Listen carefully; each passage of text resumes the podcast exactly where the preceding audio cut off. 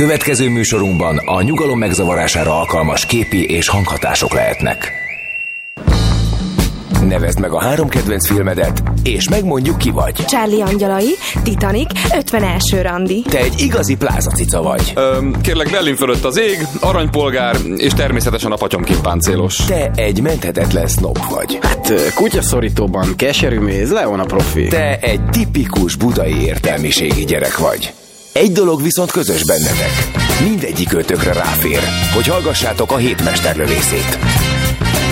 Szervusztok, kedves hallgatók! Ez a hétmesterlövésze, itt a Rádiókafém. Szegedi Péter Balázs barátommal és kollégámmal. Sziasztok! Köszöntünk titeket. Itt a stúdióban a következő két óra során pedig Vincent Casselnek, a, a bravúros francia színésznek a karrierjéről fogunk beszélgetni, meg az ő filmjeit fogjuk sorjázni. Azt hiszem, hogy ő a napjainknak a első számú francia szupersztárja.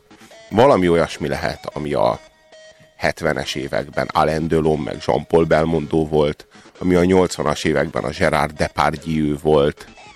A, azt lehet mondani, hogy a francia filmgyártásnak mindig van egy ilyen szuper tehetséges kirakat frontembere és ez most egyértelműen a Vincent Cassel. Igen, még talán a Reno-t érdemes megemlíteni, mert ő is volt egy időben. Azt mondom, hogy a, a 2000-et követő évtizedé volt Jean Reno, és a 2010-es éveké nem lehet más, mint Vincent Cassel, aki egyébként már jó párszor lerakta a névjegyét, de a legnagyobb dobásai azt gondolom, hogy még mindig hátra vannak.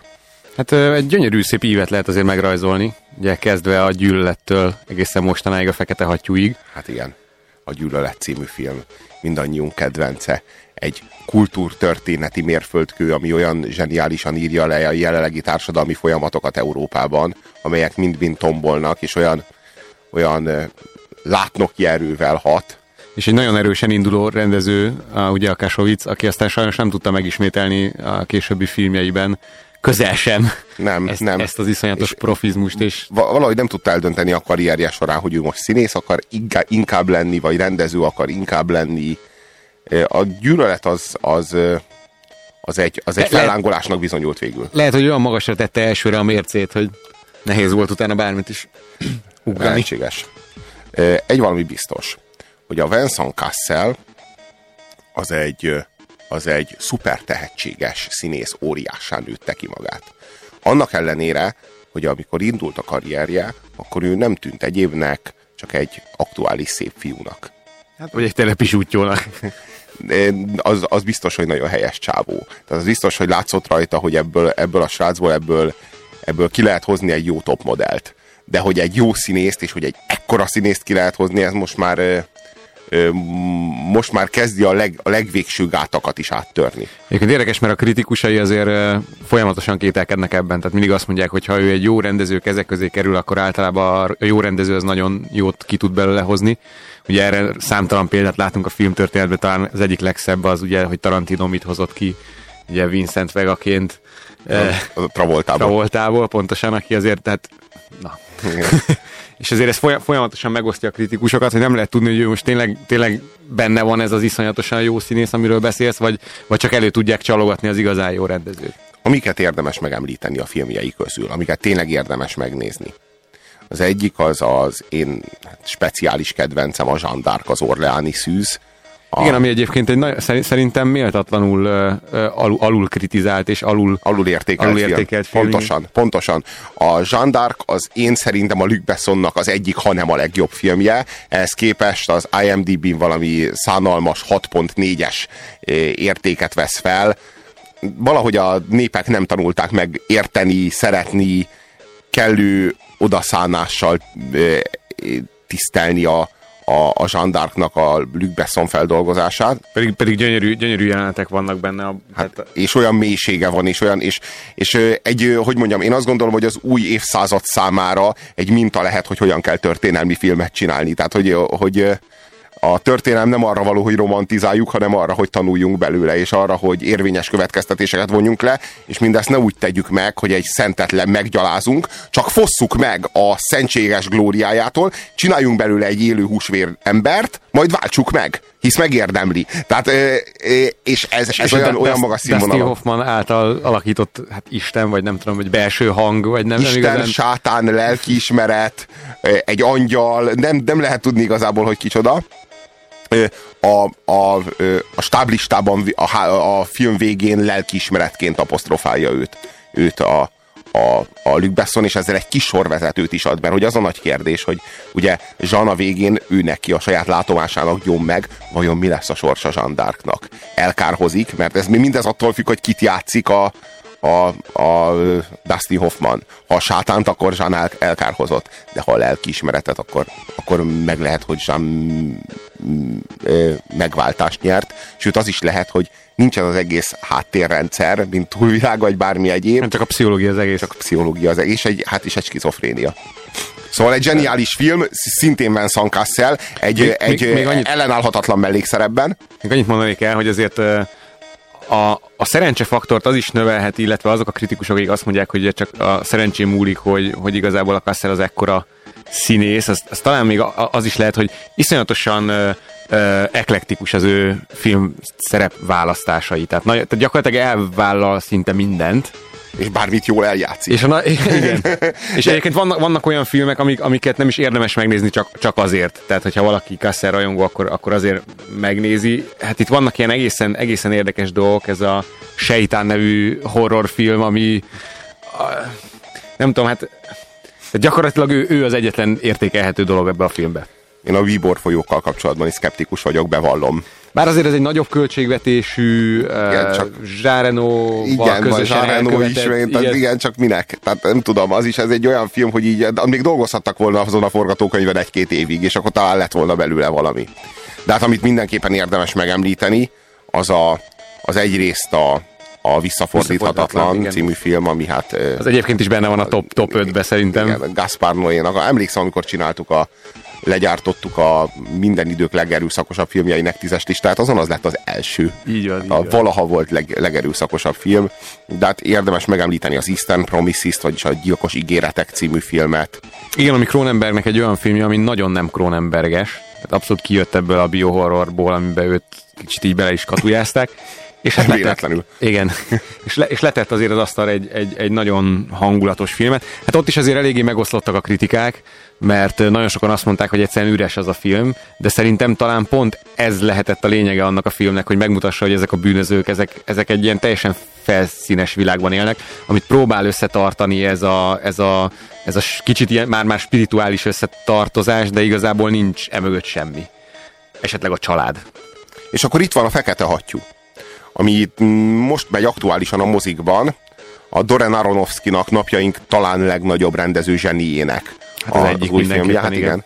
igen. A, a Vincent Cassel egy, egy balett koreográfust játszik igazából, de nem pusztán koreográfus, koreográfus, rendező és producer. Egy személyben egy végtelenül kifinomult embert, és azt mondom, hogy az, az a Vincent Cassel, aki egyszerre tudja eljátszani a legutolsó lakótelepi sutyót, bűnözőt, mindenféle deviáns formát, meg az ilyen tompa agyú bunkó embereket, és közben meg egy olyan csúcsértelmiségit, ami egy balett, koreográfus, most képzeljétek el, és azt is olyan hitelességes, olyan finomsággal, a részletek olyan gazdagságával, és a játéknak olyan elmélyültségével, és, és, és hát azt lehet mondani, hogy ez az ember, ez tényleg, tényleg a színészetről jóformán mindent tud.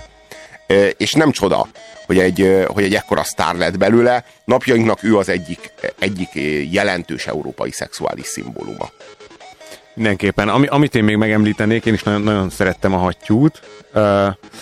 Az egy, az egy fantasy, mégpedig a Farkasok Szövetsége, ami nekem hát szintén egy ilyen nagyon, tehát ez inkább a trashbe hajlik ez a film, nagyon hosszú, tehát ahhoz képest, hogy ez egy, hogy ez egy ilyen szórakoztatónak szánt darab, ez, ez egy eléggé hosszú történet. 137 perc. Így van, és, és ez egyébként egyébként szintén megosztja a kritikusokat, mert van, van egy kritikus réteg, aki ugye nyilván fanyalog azon, hogy, hogy ugye behozták ezt az egész teljesen koridegen kung fu-t, uh, ugye az, indi, az egyik főszereplő az egy ázsiai fószer, aki, aki egy indiánt játszik és kung fuzik, de emellett meg egy olyan... olyan Elég trashül hangzik. Na, na, nagyon trashül hangzik, és emellett viszont van egy olyan nagyon erős szál benne, hogy gyakorlatilag az egész kicsit úgy épül föl, mint egy japán anime, amiben amellett, hogy mindig van egy trash szál, mindig nagyon keményen rámennek a politikára. És itt is ez történik, hogy gyakorlatilag megtudjuk, hogy az egész dolog mögött nem feltétlenül egy ilyen természet fölötti dolog áll, hanem a kőkeményen a politika, és gyakorlatilag a, a, az akkori ö, rezsim elleni lázadók, akik kiadnak egy ilyen, egy ilyen szamizdat könyvet, ami a Farkasok Szövetsége, és gyakorlatilag egy, lá, egy lázadás, tehát ez vezeti föl majd a francia forradalmat. És, és az első film, csak hogy rátérjünk arra, amiről beszélni óhajtottunk ebben a fél órában, az nem más, mint a Doberman című film. Ami szintén elég trash. Igen, és Képregényből készült. képregény adaptáció. Hát dialógus az nincsen benne sok, az biztos. E, egy hihetetlenül erőszakos film. Azt lehet mondani, hogy ami a ravasz az agy és a két füstölgő puskacső Angliában, és ami a ponyvaregény Amerikában, az a Doberman Franciaországban. Igen, és, és amit nagyon sajnálok, hogy ez, hogy ez azért ez úgy nem folytatódott, ahogy ennek lehetett volna folytatódnia. Tehát kicsit azt éreztem, hogy, hogy itt is a rendező, ő azt hiszem talán holland származású, Igen. jól, jól emlékszem? Igen. Ö, hogy a rendező csinált egy, egy, egy filmet, letette a névjegyét, és utána, utána ment is tovább. Tehát nem, nem, nem próbált meg, tehát nem, nem, nem úgy ment, mint a Guy Ritchie, hogy tulajdonképpen a saját, tul- tulajdonképpen ugyanazt a filmet csinálja meg újra és újra, és víz bele újabb és újabb szinteket, és, és tehát tényleg mint egy művész próbálja az adott témát kiaknázni, hanem, hanem ugyanúgy aztán persze ő is folytatta ugyanúgy egy képregényfilmmel, de, és Castellel, de, de, de nem, nem maradt meg ezen a vonalon. Szóval ez a film a Doberman, amely egy hihetetlenül erőszakos, eléggé ostoba, gyakorlatilag forgatókönyv nélküli, tehát biztos, hogy volt forgatókönyve, de az is szinte biztos, hogy egy farzsebbe be lehetett dugni, úgyhogy kényelmes legyen. Igen, sokkal Tehát, inkább a vizualitás érdekelte a Igen, rendezőt, mint igen, az, hogy igen. legyen narratíva. Na, ha ennek a filmnek lettek volna olyan dialógusai, mint a, mint a Ravasz az agynak, vagy fele olyan dialógusai, mint a Ponyvaregénynek, akkor ez egy nagyon nagy kultfilm, kultfilmé vált volna, amit legyártottak hozzá, és nagyon jól azok a karakterek. Tehát a karakterek annyira, annyira kilettek élezve, és annyira emblematikusak, és annyira jól felismerhetőek, és jól viszonyulhatóak az idegbeteg kokainistától elkezdve a pszichopata fasiszta zsaruig, ugye az Krisztini felügyelő, hát a, igaz, igazából a Cseki Cario, akit hát jó pár filmben láthatatok, többek között a Jean d'Arcban, de például a, a, a Nikitában is láthattátok a, a Cseki Cariót. Ugye Monica Bellucci és a Vincent Casselnek a nevei fémjelzik ezt a filmet. Kicsit olyan ez a film, mint hogyha egy ilyen tinédzser fantázia lenne, vérrel, erőszakkal, jó nőkkel. Kegyetlenül romlott, kegyetlenül erőszakos, de közben végtelenül könnyed. Ezért mondom azt, hogy a, a, ide analógiaként elsősorban a Guy Ritchie-t meg a Tarantinót lehet behozni. Igen, és náluk is, tehát ők is azért elmondták több interjúban, hogy rájuk nagyon-nagyon hatott ugye a Spaghetti Western, ugye Sergio Leone féle vonal, és ugyanez itt is nagyon-nagyon gyönyörűen látszik. Illetve... Vizuálisan nagyon jól van összerakva ez a film, hihetetlenül erős képekkel és jó vágásokkal operál. Ebben a tekintetben tényleg nagyon jó. A sztoria is jó, csak lehetett volna benne sokkal több ütős dialógus. Tehát ez forgató, forgatókönyv szinten gyenge, ez a, ez a áll gyenge lábakon a Doberman. Igen, és ami, ami még iszonyat, tehát ezt 90, én ezt talán 98-ban láttam. Ez bejött Magyarországon a moziba, akkor még Kecskeméten éltem, és Kecske, a Kecskeméti moziba kb. két barátommal ültünk be hárman erre a filmre, és senki más nem volt erre kíváncsi, és, uh, és már akkor, akkor feltűnt, hogy, hogy mondjuk a, a vágások sebessége az, az bizonyos jeleneteknél szinte követhetetlen. Tehát annyira felgyorsul a film, de még, még nagyon-nagyon messze vagyunk ugye Jason Bourne-tól, vagy Böntől. Igazából valami hasonló történik itt is, hogy iszonyat gyors kézikamerás vágások, bezumolások. Tehát végül is olyan tényleg, mint hogyha egy, egy Sergio Leone film lenne körülbelül 15-szörösére gyorsítva. Mit raboltál ki? Nem rabolok, nyomozok. Te rabolsz, mi szapunk. Felmek munka megosztás. Mi? Mióta viselkedik így? Hetek óta. A fiatal úrnak zapszem van az ülepében. A fiatal úr álmodozik bankokról, gazdagságról. A fiatal úr azt hiszi, a zsaruk már csak a képzeletünk szüleményei. Én csak másként gondolkodom. És megfeledkezik arról, milyen világban élünk. A vállát vonja, amikor a biztonságról beszélünk, a videó megfigyelésről, és a dupla pénztárakról, a technikáról, a kassa nélküli bankokról, Azokat mivel rabolod ki? Egy faxa? Mondd meg neki, ám, mondd meg, hanyadik században élünk, és hogy milyenek a bankok? Nem csak azok modernek. Szonya szerzett egy lézervezérlésű fegyvert. Igazi Maverick rakétákkal.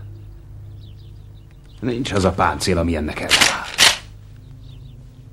Ha belősz egy bankba, már a szelefalhoz vág mindenkit.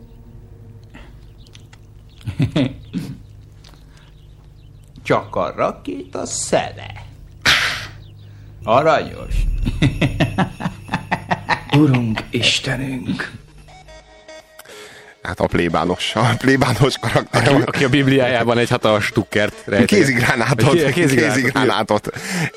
És, a, és a, a, a süket néma cigánylány, a, akit a Mónika, net, akit a Mónika Bellucci játszik, az is, az is nagyon, tehát minden karakter elképesztő jól lett megrajzolva, és elképesztő jól van előadva. Egyébként valószínűleg ez a franciáknak a kulturális gyökereiben van. Ugyanis, ha megnézel egy amerikai filmet, ami próbálja ezt a trest behozni, de, de mondjuk nem éreznek rá ennyire a, a, a, a szereplők, vagy a karaktereknek a, a, a kijátszására, itt nagyon szépen látható az, hogy, hogy ezek a színészek, tehát egy Chiki Cario, egy, egy Monica Bellucci egy olyan kultúrkörből jön, ahol a trash nem idegen műfaj, tehát ők ab, abszolút, tehát művészként ők ezt fel tudják dolgozni, és ezáltal hát ugye lát, tehát érezzük, hogy itt a forgatókönyv ez mennyire sekélyes volt, de ettől függetlenül ők élettel tudják ö, ö, ö, telerakni ezeket a karaktereket. Nekem nagyon, talán nagyon hasonló dolog a, a Holló című, tehát a leges-legelső Holló című filmben volt. Ott is ugye a maga a forgatókönyv nagyon hát össze volt csapva, nagyon egyszerű volt, de, de a gonoszoknak a karakterei annyira jól, jól ki voltak találva, és ott is hát nem, nem mainstream figurák játszották ezeket, hanem, hanem ugye ilyen mellékszerepekben felbukkanó emberkék. Úgyhogy mondjuk biztos vagyok benne, hogy azért a karaktervezérlés a, a rendezőnek is a, a, a tulajdonsága, de, de emellett én, én úgy érzem, hogy azért a francia filmeknél a színészek is egyszerűen magukból tudnak hozni annyi pluszt, ami el tudja vinni a hátán a filmet. Hívd az ügyészt, és minden egység jöjjön ide! Miért nem mindjárt a légierőt? Ide figyelj, Krisztini. Nem tudom, mit eszeltél ki, azt viszont tudom, hogy ezek a rohadékok mire képesek. Úgyhogy ha tetszik, ha nem hívom az erősítést. És itt maradt. Megvolt az esélyed. Ott volt a szemed előtt. De te elcseszted, és két embered meghalt. Úgyhogy pofa be! Vagy mész vissza az intenzívre. Jól van, jól van. Ez egy ilyen játék. Romlasztani kell a húst, hogy jó legyen. Hadd igyanak még egy kört. Meg még egyet. Egy cigi. Néhány szippantás. Hadd szórakozzanak. Aztán, amikor a fejükre állnak, felszedjük őket a kiáratnál, egymás után, mint a porsad gyümölcsöt. Úristen, mennyire romlott ez az ember. De maga a koncepció nagyon hasonlít a Leona profi koncepciójához, amely elvitatja azt a relációt, hogy a rendőrök lennének a jók és a bűnözők lennének a gonoszok, hanem, hanem igazából két bűnbandáról beszél, és Igen, mert a filmben mindenki őrült. igen, igen, senki, jóformán senkivel nem lehet ebben a filmben azonosulni. E, igazából a romanti, romantikus szerelmes pár, ugye Jan és Net, az ő szerelmük, a Vincent Cassel és Monica Bellucci az életben is férj és feleség. Ők azok, akik ilyen Mickey és Mallory Knox-szerűen azonosulhatóak a, a, a, abban a, abban a örjöngő, mindent a maguk mögött felégető, álmokfutó szerepben, amely mégis a szerelmük által egy ilyen romantikus lángra lobbantja minden, minden nézőnek a szívét. Különben viszont arról beszélhetünk, hogy a, egy, egy, egy bűnbanda, melynek élén ugye Jan, alias Doberman, olyanokból áll, mint Pitbull, mint a plébános, mint Net, és még jó Talán, pár... talán még a legártatlanabb karakter a transvestita, aki, akinél uh, ugye ott is látjuk az ő... Szonya. Így van, Szonya, a, akinél látjuk ugye a, rendőrnek az iszonyat brutalitását. Tehát amikor, ők, ők vannak... amikor a születésnapot, amikor a születésnapra be, be, bemegy Beállít. és be, beállít, és a, és a család előtt leleplezi a szerencsétlen transvestita kisfiút. Hú, az de kegyetlen, és hát itt van igen, a Krisztini felügyelő, a zseniális Cseki Karió játsza, és hát az, az valami, valami förtelmes. Tehát a, ő, a, ő a főgonosz a filmben, végülis a rendőr. Hát ebben nagyon hasonlít egyébként a, a, a Leona profihoz, ahol a Gary Oldman testesíti meg mindannyiunk által gyűlölt főfelügyelőt. Izzadós Jack alias Pitbull, hm? Jan Le Pantrek, a Doberman. Ez nem is banda, ez egy alom. Jean-Claude állás a szúnyog!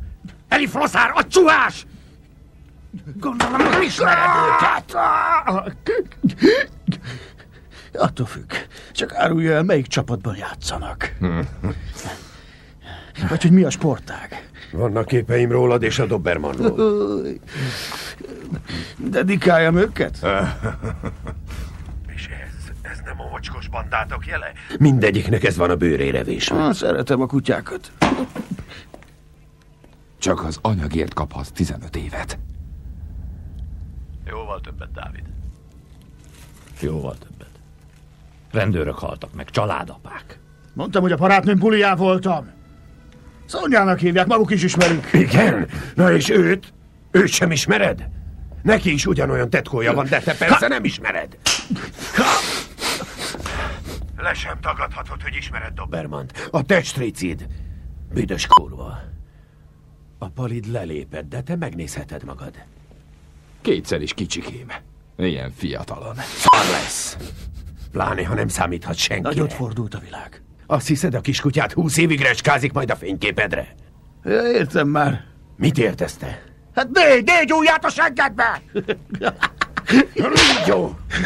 Végetek van mindenkinek! Egyedül vagytok! Hol a falka vezéretek? Mi? Sehol, cimbora! Csak ti ketten...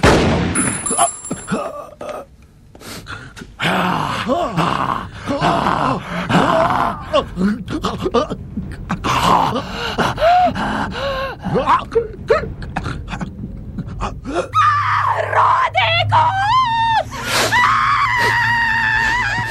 így képzeljétek el ezt a filmet.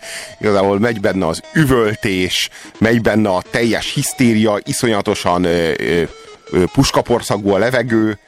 Hogyha egy kellemes, véres kikapcsolódásra vágytok, és nem akartok nagyon sokat gondolkozni, akkor mindenképpen nézzétek meg ezt a filmet. Igen, igen, igen, Nagyon remek színészek fogják szállítani nektek az élményt. Igen, és, és, és ez, hogy mondjam, ez tényleg egy, egy olyan trash film, ami nagyon nagy képigényességgel lett legyártva. Tehát igazából nem trash, inkább olyasmi, mint hogyha egy, egy jelentős költségvetéssel és tehetséggel rende, rendelkező rendező próbálna tisztelegni a trash műfaja előtt egy, egy kiváló filmmel.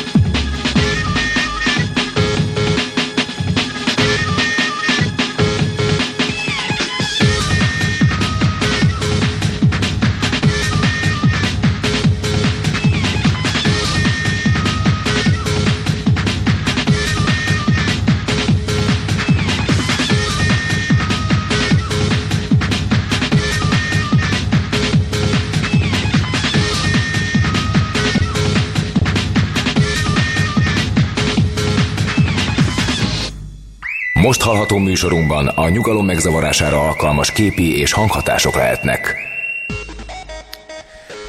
A Doberman című filmről beszélgetünk, Szegedi Péter barátommal, én Puzsér Robert vagyok, 0629 98 98 az SMS számunk kaptunk is néhány SMS-t. Helyes, meg szép fiú, kérdezi a kedves hallgató. Kifejezetten visszataszítónak tartom a külsejét, és az a különös, hogy ennek ellenére elképesztően vonzó, már mint Vincent Cassel, akiről ma beszélgetünk, és akinek a filmjeit ma megpróbáljuk a figyelmetekbe ajánlani. Azt írja a hallgató, hogy olyan, mint a romlott sajt, az értelmet tiltakozik ellene, de annyira jó. Nagyon jó megfogalmazás. És itt hirtelen abban maradt az SMS írás. Szerintem Roman Dürire érdemes figyelni, írja a kedves hallgató. A Dobermanban ő az, aki a WC-n egy valami mozi magazinnal törli ki. Halálos szívdó, szívdobbanás című film ö, ö, című Odviárban volt kiemelkedő, azt írja. Igen, majd fogunk erről beszélni a nem mostani, hanem a következő blogban.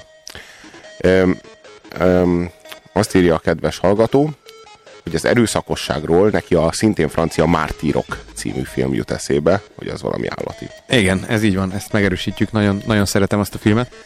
E, nos, én azt gondolom, hogyha, hogy a, a Doberman című film, az mindenképpen kiérdemel egy hetest a tízes skálán. Ugyanígy, ez itt is. Nos, e, akkor beszélgessünk egy másik filmről, ami nagyon extrém, és ugyanaz a rendező rendezte. Ugyanaz a rendező rendezte, és ugyanaz a főszereplő. És egy pár szereplő is. Igen. Csikikárió. A, ez a film pedig a Blueberry a fejvadász című film, vagyis a Blueberry című film, ami magyar, magyarul a fejvadász című film. Igen, angolul Renegade.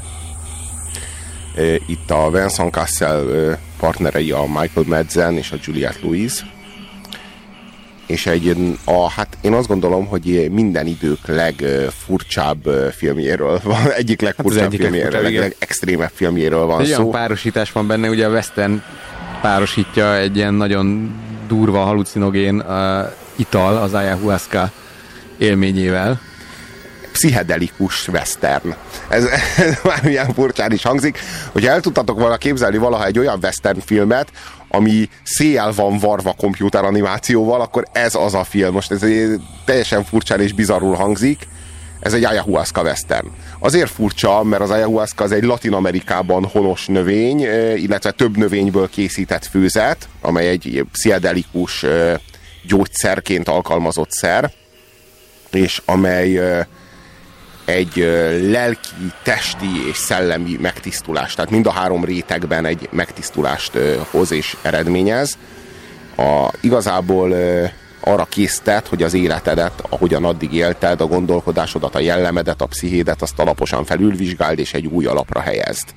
És, és ebben a filmben egy sorsba ágyazva látjuk meg ennek a szernek a hatását. Mégpedig ennek a bizonyos fejvadásznak, Mike Blueberry-nek a Vincent Cassel játsza őt és, és, és az ő, ő sorsának a, a, a keresztútjain kerül az ő szervezetébe ez a bizonyos főzet, és ő pedig kerül egy olyan állapotba, ahol meg kell vallania magának az igazságot, meg kell vallania magának a saját sorsát. Igazából semmi másról nincsen szó, mint egy gyónásról ebben a, ebben a helyzetben, amennyiben nem folytathatóak tovább az élet hazugságaid, hanem egyszer és mindenkor olyan, olyan rettenetes, mérgezéses állapotba kerülsz, amelyből a, a, a kiutást, amelyből a felszínre jutást egyetlen egyféle képpen tudod megélni, ö, megvalósítani, hogyha vallasz, hogyha megvallod a hazugságaidat, hogyha megvallod a bűneidet, és hát ennek a Mike Blueberry-nek van egy nagyon nagy élethazugsága. Az életének a, a legnagyobb veszteségét azt valakire ráterhelte, valakire valakire ráruházta. És a film, a film sztori vezetése az ő emlékein keresztül, az ő emlékeibe ágyazódva elhiteti velünk is, hogy ennek az embernek a rossz sorsáért, a nagy veszteségért, azért, hogy elvesztette a szerelmét, azért az ő ellenlábas, a Wallace a felelős, akit a Michael Madsen játszik. És mi ezt mind elhisszük. És elhisszük, hogy ez egy olyan film, ahol, ahol Blueberry a jó, és Wallace a gonosz egészen addig, amíg el nem jutunk ennek az ayahuasca szertartásnak a keretében a blueberry megvilágosodásáig, ahol regresszálni tud abba a helyzetbe, abba, abba az emlékbe, abba a múltba, ahol a dolog történt, és föl tudja szabadítani a tudattalanjából mindazokat a képeket, mindazokat az információkat, amiket ő jó mélyel, mélyre lefolytott. Miért folytotta le ezeket? Mert nem bírta el a felelősséget annak a, annak a bizonyos lánynak a, a, az elvesztéséért, aki az ő szerelme volt. És ezt a felelősséget mindenképpen át akarta tolni, mindenképpen át akarta ruházni erre a figurára, ezért ő üldözte ezt a bizonyos figurát.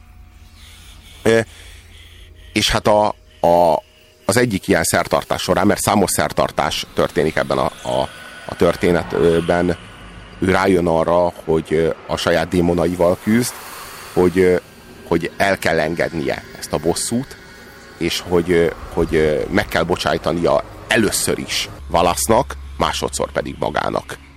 Én is itt, itt még annyit mondanék el, hogy ugye van egy, van egy nagyon alap ilyen kvázi bosszú történet ebbe, emögött az egész mögött, és ugye ez, ez is ugyanúgy, hogy a Doberman, ez is egy képregényből ö, ö, készült ez a film, de valahol ez a film meg tudja csinálni azt, ami, ami talán nagyon kevés képregényfilmnek, vagy nagyon kevés ilyen, ilyen műfai filmnek sikerül, az, hogy van egy, van egy alapzsáner, egy, egy, egy alapdramaturgia, és ezt a végén valahogy úgy tudja egy teljesen új értelemre emelni, hogy nem, tehát, hogy nem kell megválnia az eredeti zsánertől, viszont, viszont be tudja úgy fejezni a filmet, hogy egy teljesen új jelentést kapjon, és egy teljesen új szintre emelje ezt az egész dolgot. Mit keres errefelé, sheriff? Az egyik lovam érdekli? A városban hallottam, hogy az embere Woodhead, meg az a porosz. Átlépték a Cserikahuák területének határát. Én semmit sem tudok erről. De azt elmondhatom, hogy elküldtem Woodheadet, hogy ott fönn Riatában adjon túl néhány lovamon. Vagy egy pár összvéren, amin ásó meg lapát van. Valami vádat akar emelni ellenem? Tudok róla, hogy Prozit egy térképet lenget a hegyekről. És higgy el, légből kapott mese az egész. Nos, az itteni emberek plegykálnak, ön is tudja. Hogy ne tudnám. De azt is tudom, hogy aki átlépi a határt, az megszegi a törvényt. Erre mérget venne?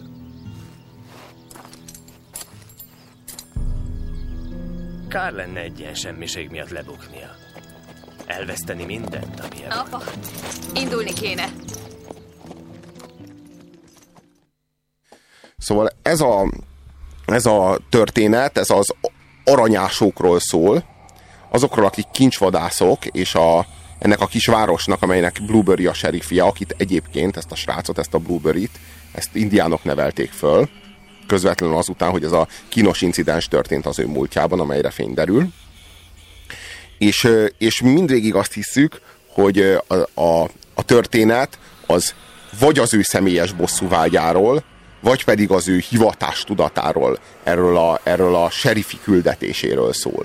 És holott az egész történet egy belső utazás ennek a Blueberry-nek, ennek a főhősnek a, a, a tudatalattiában, amíg aztán eljut oda, hogy mindezeket elengedje, hogy rájöjjön arra, hogy mi, mi az, ami valóban fontos az életben, hogy eljusson egy, hát egy magasabb rendű tudatosságra. Miről, amit még itt nagyon érdemes ö, ö, megemlíteni, az a vizuális része ennek az egész ö, utazásnak. Ugye főleg azoknál az embereknél, akik nincsenek annyira tisztában ennek az egész ajahuászkának, meg általában az ilyen pszichedélikus dolgoknak a, a hatásaival, ö, hát azok meglepődnek. Tehát először is meglepődnek. Eleve, hogy egy westernbe, hogy a francba kerül bele ez az egész ö, sámán dolog, ö, illetve ez az egész ö, utazás. A másik dolog az, hogy nagyon-nagyon szépen van kivitelezve vizuálisan ez a történet konkrétan a rendező nyilatkozta, hogy ő átesett egy ilyen ayahuasca szertartáson, és ez nagyban inspirálta őt arra, hogy, hogy ebben a filmben tényleg próbálja meg úgy, úgy megjeleníteni, ami, amit neki jelentett ez az egész történet. Tehát ő fogta ezeket a 3D animátor emberkéket, akik ugye ezeket a vizuális trükköket meg tudták csinálni, és gyakorlatilag az ő tökéletes kontrollja alatt születtek meg ezek a, ezek a víziók, és hát ugye azt lehet tudni valamennyire egy a pszichológiából, hogy ugye ezek a szerek nem, tehát nem maguktól a szerektől jönnek elő ezek a halucinációk, ezek egyébként is ott vannak benne az agyunkba, ugye van, vannak pszichológusok, akik ugye kísérleteznek is ezzel, hogy hogyan lehet mindenféle szerek nélkül hipnózisba, vagy ilyen félálom állapotában előhozni ezeket a dolgokat. És, és nagyon, tehát engem is eléggé, eléggé sokkoltak ezek a képek, hogy, hogy amellett, hogy, hogy nagyon idegenek, amellett mégis nagyon ismerősek, és, és van is erről egyébként egy nagyon jó kis cikk, ami arról szól, hogy ugye amikor, á, amikor elalszunk, akkor a tudatunkat el kell altatnunk, mert különben ugye éber tudattal nem tudnánk ugye lemenni ebbe az alfa állapotba, és e-, ebben a, ebben a köztes térben, vagy köztes időben, amikor még nem alszunk, de már nem is vagyunk ébren, akkor a tudatunk elkezd nekünk kaleidoszkóp-szerű képeket vetíteni, és ezzel alszunk be tulajdonképpen, tehát ez, ez az, ami bealtat minket, és hogyha elég jól megfigyeljük ezeket a, ezeket a részeket a, a filmben, akkor nagyon-nagyon hasonló ilyen kaleidoszkóp-szerű képeket látunk. Uh-huh. Tehát ez is valószínűleg mutatja azt, hogy nagyon jól, nagyon jól elkapta a rendező ezt a tudatállapotot. Hát honnan jönnek ezek a képek? Vajon honnan? Hát kívülről biztos, hogy nem jönnek. Tehát egész biztos, hogy semmilyen információt ezzel a bizonyos főzettel ez a mi hősünk Blueberry nem vitt be. Hát ez egész biztos, hogy onnan kívülről nem jön be semmilyen intellektuális információ. Minden, amit te halucinációként láthatsz, amit te átélhetsz, vizualizálhatsz, amiktől te megijedhetsz, bármilyen démonok is jönnek, azok ott vannak benned. Kívülről nem jön semmi. Csak ezek le vannak folytva a tudatalattidba. És jön ez az anyag, ez a bizonyos ayahuasca, és ez úgy tűnik, hogy a tudatalattid meg a tudatot közti határt azt elmossa.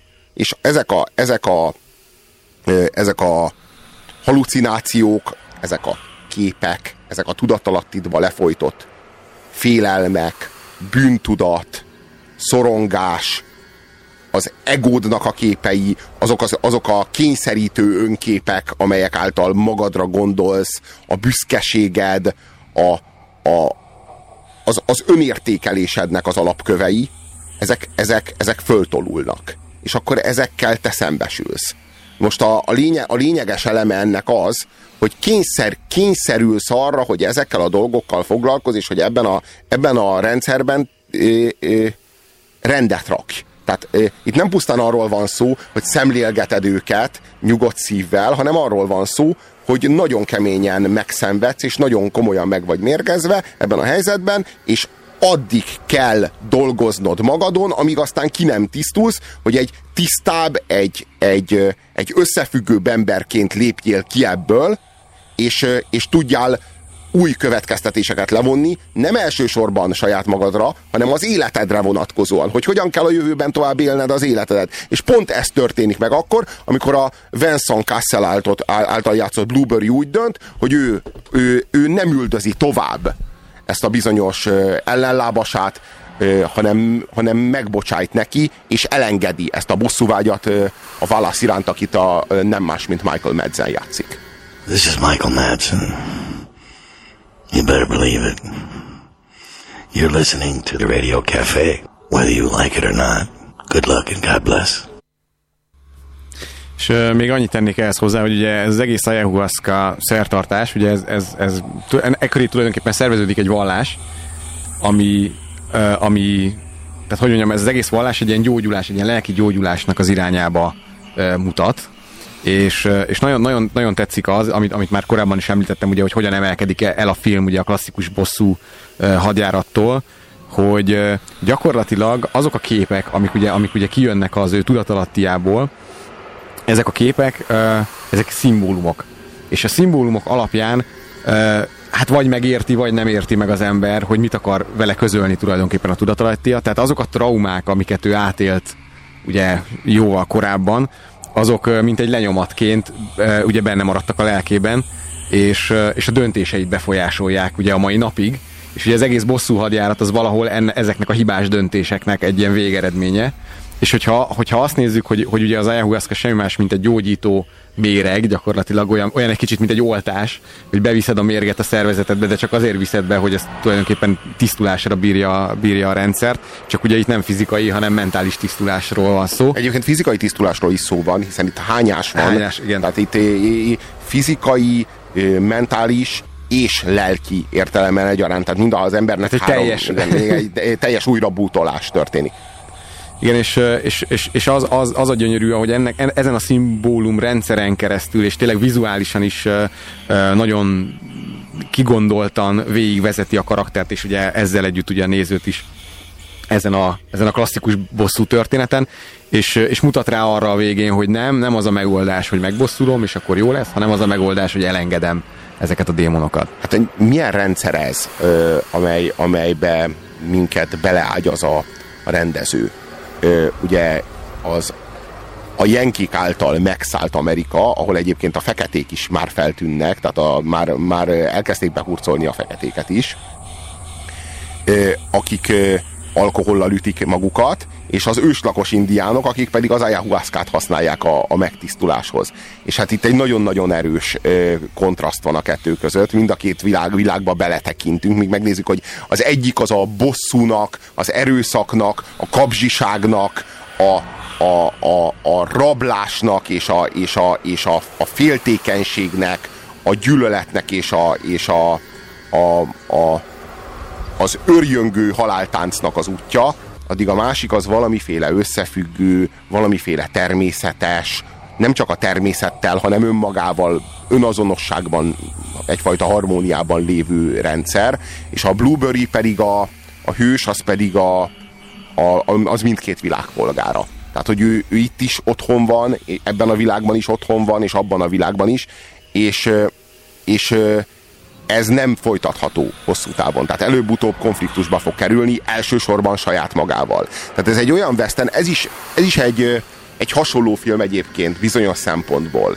mint amilyen a, a, az Unforgiven, a Clint Eastwoodnak a filmje. Ez a film is ne, nem, nem, kevesebbre vállalkozik, mint hogy elbúcsúztassa ezt a műfajta western Tehát, hogy azt mondja, hogy értjük mi ezt a pisztolypörgetést, meg ezt a bosszú hadjáratot, meg ezt a, ezt a nagyon menő, nagyon májer, ki a gyorsabb párbajozást, de ö, adtunk is neki 60 évet, vagy 70-et, vagy mennyit, de most már lassan búcsúztassuk el, és adjuk át ennél fontosabb, jelentősebb, hogy, hogy mondjam, mélyítsük el, mert az ember mélyebb ennél. Tehát szabjuk már az emberre jobban ezt a, ezt a, ezt a világot, nem, nem lehettek ezek az emberek mindennyire egydimenziósak. És dolgozzuk fel úgy, ahogyan, ahogyan ez, ez, ez, ez elmélyültebb, ez, ez, ez, ez humanistább, tehát egy, egy, egy, egy elmélyítés ennek a műfajnak, amint zajlik. Azért én még azért vigyáznék ezzel, hogy temessük a western mert ugye pont most jön ki a Félszemű című film, ugye Cohenéktől. És ebben hiszünk ebben a Félszemű című filmben? Én, én ebben hiszek, én most nemrég néztem meg a, a, az eredetiét, ami, aminek ugye ez egy remake illetve nem teljesen, mert ugye a Cohenék azt mondták, hogy nem a, nem a szerintem 64-es filmet remékelik, hanem az eredeti könyvet, ezt majd megnézem, mert még mag, mag, tehát a Cohen filmet még nem láttam, de, de nekem, nekem elég nagy elvárásaim vannak ezzel szemben, úgyhogy én még nem temetném a Westent, mert úgy gondolom, hogy ez egy olyan nem, nem, tehát persze benne vannak ezek a dolgok, amiket mondasz, ez a pisztolypörgetés, meg, meg ez a része is, de benne van az is, ami a Seraphim Falls című filmbe, most tudom, mi volt a magyar címe, igen. Seraphim Falls volt. Lehet, hogy az volt a magyar címe is, hogy Seraphim Falls. Uh, ami, tehát ami, ami sokkal inkább bemutatja nekem a Westent. Tehát az hogy, az, hogy folyamatosan az ember a természetbe kidobva próbál túlélni, ugye az aranyások, meg, meg az egész nyugat gyakorlatilag az, hogy, hogy kimegyünk a, a határra, és ott az, tehát meglátjuk a ter, tehát találkozunk a természettel, és az emberi, emberi e, tűrés és, és, és, és mindennek a határán vagyunk, és próbálunk, próbáljuk megvetni a lábunkat, és ugye a legszélsőségesebb természeti körülmények között, aminek az egyik véglete a, a sivatag, a másik véglete a hegyvidék és az erdő, és pró- próbálunk ott túlélni a saját erőnkből. Én úgy gondolom, hogy ezek az értékek, ezek soha nem fognak eltűnni, és valahol a western, amellett, hogy persze pisztolypárba és, és a többi, és a többi, amellett erről is szól, és ez a része szerintem soha nem fog el, el, eltűnni. Tehát ja. erre, mindig, erre mindig vevő lesz a következő generáció is. Kénytelen vagyok újra fogalmazni azt, amit mondtam, annak a nyomán, amit megjegyeztél. A a Clint Eastwood 92-ben az Unforgiven-nel újra fogalmazta a western és megfogalmazott egy új kiáltványt. Tehát az, egy, az a film egy kiáltvány volt, hogy westernről úgy, ahogy eddig soha többé. És ezek a filmek, akár a, a Seraphim Falls, akár a, a Blueberry a fejvadász. Egyébként érdekes, hogy a Seraphim Falls-nak a vége is egy ilyen szerintem a Blueberry-nél rosszabb módon, de ott is átmegy egy ilyen nagyon spirituális, Igen. nagyon absztrakt történetbe. Igen. Csak én úgy éreztem, hogy, hogy talán pontosan az ayahuasca miatt a Blueberry-be valahogy jobban bele tudott nekem passzolni ez a dolog. Ott az volt, hogy végig konzekvensen a Serafin Fozó végigvitt egy, egy, egy nagyon jó dramaturgiát, egy nagyon jó narratívával, és a végén nekem ott döccent. Tehát nekem ott úgy éreztem, hogy ez a, ez a spirituális dolog, ez úgy oda volt rá így téve, de igazából nem volt jól beágyazva, míg ez a Blueberry-nél, ami egyébként filmileg kevésbé erős, tehát ha mondjuk az IMDB-n megnézzük, a, a, akkor valószínűleg a Serafin Force lényegesen jobb pontszámot kapott, de, de valahogy mégis a spiritualitást számomra ö, jobban bele tudta ágyazni ebbe az egész környezetbe. De hát meg lehet említeni például a Jesse James meggyilkolása tettes agyával Robert Ford című filmet, ami szintén egy teljesen új útját járja a westernnek. Az meg egy ilyen ultra realista, már-már naturalista western, ahol egy méterről vagy fél méterről próbálják egymást eltalálni azokkal az úcska fegyverekkel, és négyszer kell lőni, hogy egyszer elvigye a másiknak a fél vállát, vagy a száját kilője, vagy mi volt. És ugye ez, ez talán, talán Jármussal kezdődött, nem? A halott emberrel. Ott, ott, a halott ember is ilyen volt. Az, is egy, az, is egy, ez a... az is egy nagyon groteszk western. Most nem is tudom hirtelen, hogy az volt elő, vagy az Unforgiven, bár mondjuk az Unforgiven amellett, hogy tényleg egy ilyen, egy ilyen reformáció, azért ő, ő, tehát Clint Eastwood megmarad azért a zsá, úgy, úgy mond a zsáner keretein belül, hogy azért ott, ott, egy, ott egy nagyon erős drámát látsz, de mondjuk nem megy át olyan durva szatírába, mint mondjuk a halott ember, vagy annyira absztrakt.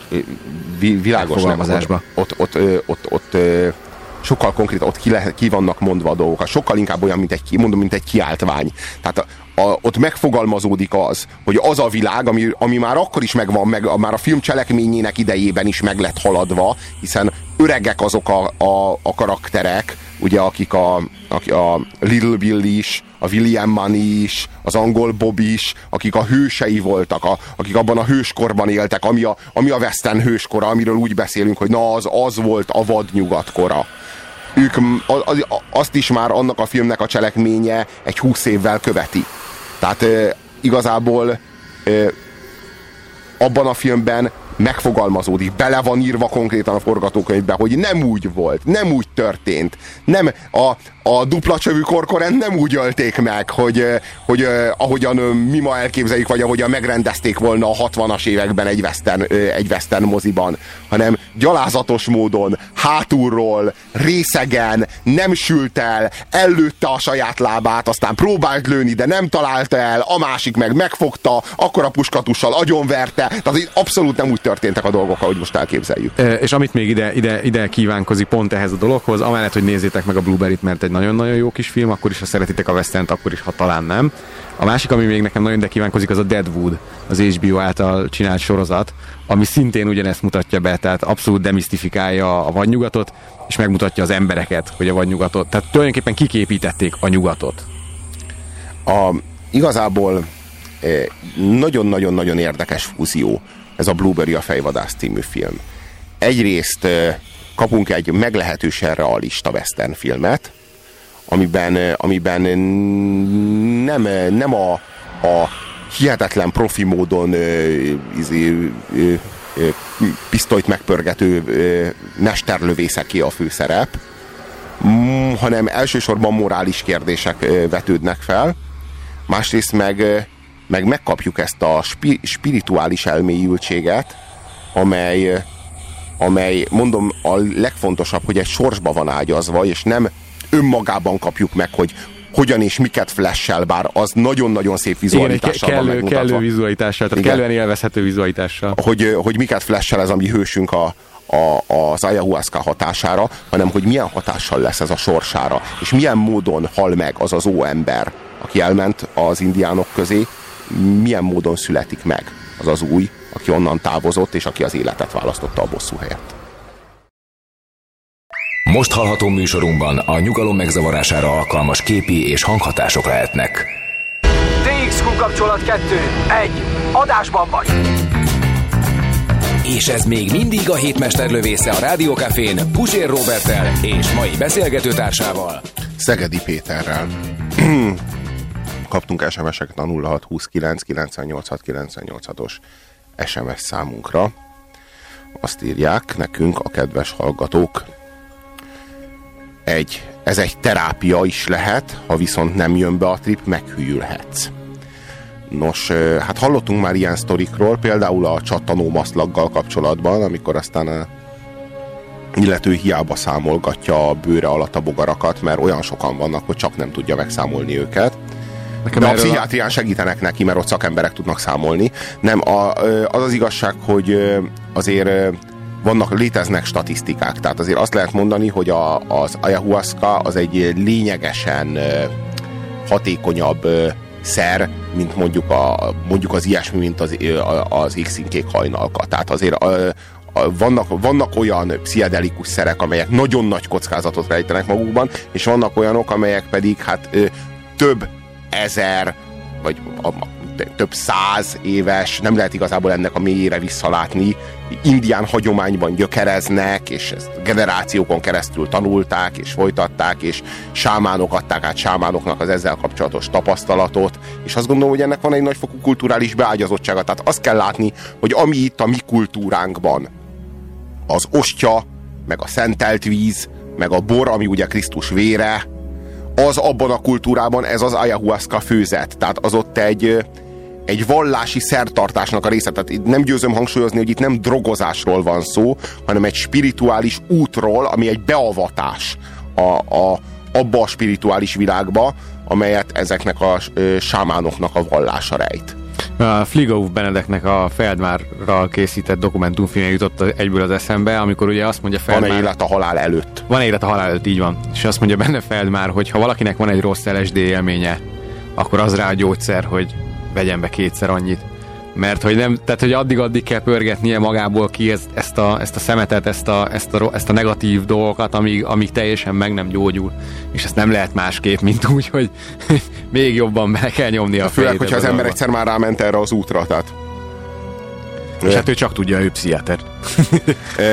Lássuk.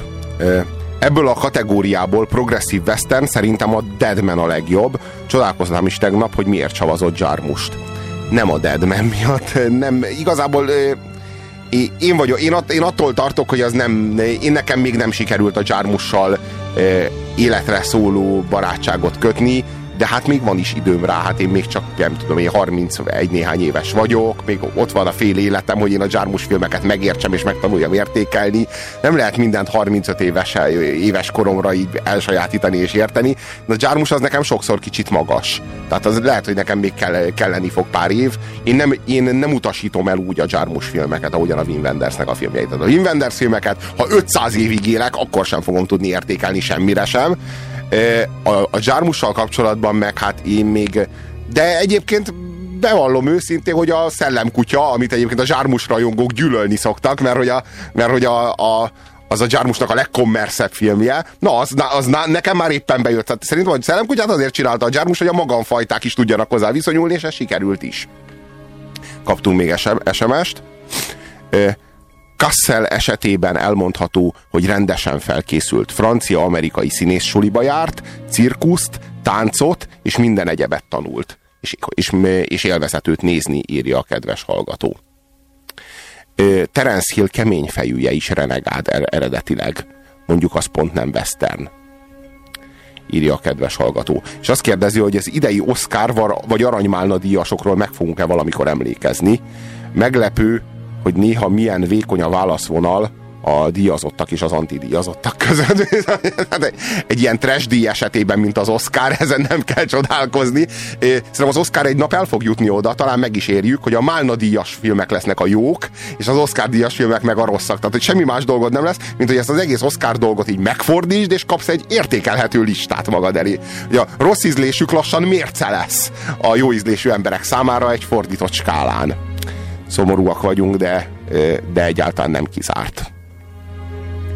Térjünk át akkor a következő filmre Térjünk szerintem. át a következő filmre, ami most... E, SMS-ben kérdeztétek is még az adás elején, hogy lesz-e, és lesz. Jan Kunen rendezőtől most egy kicsit elbúcsúzunk, és elmélyültek filmekkel folytat. Mert elmélyültek ezek a filmek? Nem, a, nem, nem. A, a, a Doberman az nem elmélyült, a Blueberry az elmélyült, de garantálni fogjuk, hogy mostantól kezdve a következő filmek egy bármelyik random kiválasztott 10 percében több a dialógus, mint ebben a két filmben együttvéve, amiről eddig beszéltünk. Ezek azért hagyományosabb filmek, mint ennek a holland rendezőnek a rendezései, és az az előbbi, amivel beszélni, amiről beszélni óhajtunk, az a Számat figyeld című film, amiben a Vincent Cassel egy ex-sittest játszik, aki frissen jött ki a börtönből, és, és egy igazi sutyó gyerek, de olyan igazán, olyan, olyan tompa fejű, olyan ö, végtelenül spröd, végtelenül durva, de valahol mégis egyfajta ártatlanság van benne. Igen. Bekerül egy olyan közegbe, ugye egy multicéghez fölveszik asszisztensnek, ami tökéletes módon titkárnő, nem az ő... Titkárnő asszisztensnek. Titkárnő asszisztensnek, igen. Tehát egy, egy, egy süket titkárnő lesz az ő főnöke, és, és egy teljesen elveszett ö, szituációba kerül ezáltal és hát tulajdonképpen csak a főnökének köszönhető, hogy ő benne tud maradni ebben a közegben. Egyébként itt, itt, itt hadd had térjek ki ugye a rendezőre, Jacques Odiadra, hogyha jól ejtem az ő nevét, aki íróként kezdte a pályafutását, és uh, olyan uh, filmek írója ő többek között, mint például a Profi, tehát a Belmondó Profi. Minden idők egyik, talán ha nem a legjobb európai filmjéről beszélünk. Filmjét ő írta, és aztán ő, ő, ő aztán ebből, ebből, tehát tulajdonképpen az utóbbi tíz évben kezdett ő el komolyabban rende, rendezni, és, és például ő rendezte a szintén nagyon és teljesen jogosan elhíresült a Proféta című 2009-es filmet. Uh, úgy, szintén egy kemény gangsterfilm. Egy kemény gangsterfilm, és, és de amellett meg egy iszonyatos lélektani utazás, és valahol, valahol ebben, a, ebben a filmben is már, már azért érezhető ez. És, és nagyon jó, azért, azért is nagyon tesz. Egyszer egy kedves, ez kedves, kedélyes love story, és eközben meg egy rohadt kemény gangsterfilm. És sőt, igazából három film van ebben, mert van az eleje az a The Office című sorozatot idézi meg, Igen. hogy hogyan, hogyan viselkedünk mi ebbe a multicéges millióbe, és mennyire embertelen. Hát ugye a, a, a, a süket lányról nem tudják, hogy süket, tehát ott kezdődik, csak egy visszahúzódó lánynak gondolják, és folyamatosan szekálják, illetve hát folyamatosan atrocitások érik, és ebbe a, ebbe a, a, a, a millióbe kerül be a szintén ö, ö, ebből, a, ebből a közegből teljes, tökéletesen kilógó ex-elítélt a Kassel, és ők ketten elkezdenek egy, egy iszonyatosan jó párt alkotni, és tulajdonképpen a, ez, ez a filmnek az eleje, aztán lesz belőle egy nagyon kedves, egy ilyen romantikus történet, aztán egy ilyen felkészülés, tehát kvázi egy ilyen Rocky-szerű, és végül pedig egy, egy, egy, egy ilyen helyiszt, vagy nem is tudom, minek mondanám én a végét. Egy, egy kőkemény gangster filmbe ott, nem is tudom, csalás, vagy Hát, a balhé. Igen, igen, igen, igen, igen, igen, igen a balhé.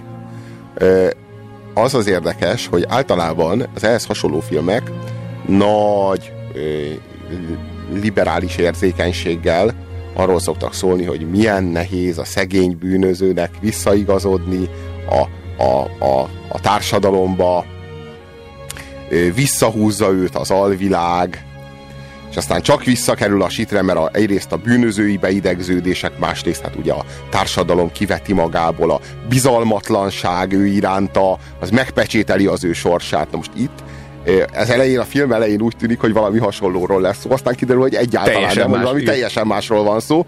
Inkább arról van szó, hogy milyen nehéz önbizalomhiányos süketnéma nem süketnéma, csak hal, hallás, csak süket, hall, süket, halláskáros, de süketnéma lenne egyébként, hogyha nem lenne hallókészüléke.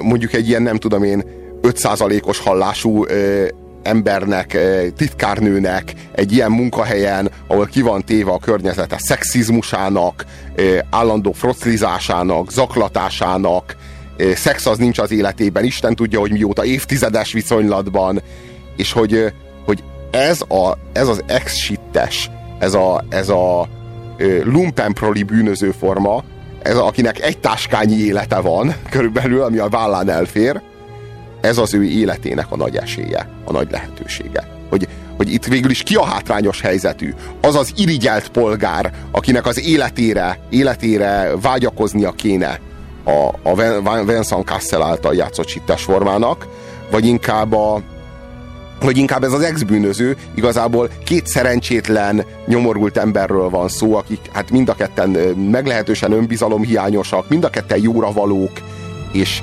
és, és egymásba kapaszkodnak, és úgy próbálnak meg valamit, valamit elérni, és hát annyi bájjal, és annyi szépséggel, és annyi, annyi szexepillel vannak ellátva ezek a hősök, hogy nem lehet nem szeretni őket. És egyébként valahol a Castellnak pont ez a nagysága szerintem, hogy egy karakterben meg tudja formálni ezt a sutyó, bűnözőt, aki tényleg egy ilyen, egy ilyen nagyon-nagyon bárdolatlan valaki, és emellett meg ez a, a megszeppent kisfiú. Tehát az, hogy ő bekerül egy olyan helyzetbe, és nem is érti az elején, hogy miért segít neki ez a nő. Miért, miért, miért, miért uh, tulajdonképpen uh, falaz neki, amikor ő elbénázza a dolgokat, és miért, miért, miért, miért csinálja ezt, és tulajdonképpen így, így alakul ki a kettőjük között valami olyan vonzalom, ami nem tehát vannak olyan utalások ilyen szexuális irányultságra, de nem, alapvetően ez nem egy szexuális kapcsolat, vagy nem az a lényeg, hogy ez egy szexuális kapcsolat, hanem kettőjük között kialakul valamiféle olyan ö, bajtársiasság, mint hogyha egyfajta ilyen és, és nem, nem véletlen, hogy arra fut ki a film, amire kifut a végén, hogy tulajdonképpen egy, egy, egy akcióban vesznek ők részt, mert ez valami nagyon viccesen kifordított ilyen csapat, tehát lesz belőlük egy ilyen kommandó akik na, iszonyatosan jól funkcionálnak együtt. Igen, és olyan képességeik vannak, amilyen képességeik azoknak a gangstereknek, akik hát halálos profik, hát a köz, közelébe nem érnek. Keller úr, beszélhetnék önnel? Persze. Ideig azt hittem, a flőre az enyém. Igen, de az a helyzet, hogy két üzlet ugrott. És az egyik építkezést bolykottálják. Bocs, de mindenki maradjon a kaptafájánál. Nem értem, hogy miért fáj magának, ha én végigviszek egy munkát. Nézze, Kárla, én üzletember vagyok. Az üzletember jutalékért dolgozik. Jutalékért. Jutalékot kapok. Baszogatom én magát bármiért is, ugye nem? Nos, ha tovább baszogat, bemehetünk Morelhez beszélgetni.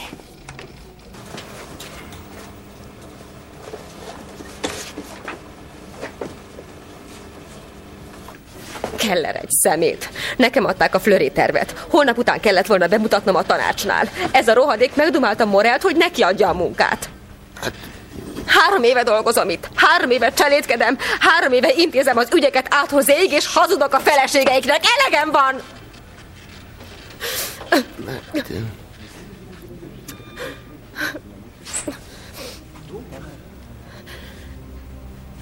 El tudnál lopni a dossziét Kellertől? Lopja el a dossziét, magának sokkal egyszerűbb. Nem, nem, nem, nem, én nem, nem lopok. Miért? Azt maga is tudja, mert a sitről jöttem, és a bokizok mehetek vissza. Hagyjon békén a hülyeségeidet. Én nem lopok. Tegnap, amikor letámadott, megijedtem, megbénultam. De végül is megértem magát. Azt hiszi, tartozik nekem, és azzal fizet, amivel tud. Tévedett, de nem haragszom. De valóban tartozik nekem valamivel.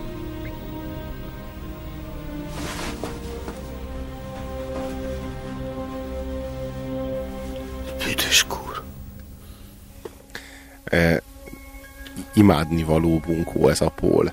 É, egyszerűen nem győzök ámulni a Vincent Kasselnek a tehetsége fölött.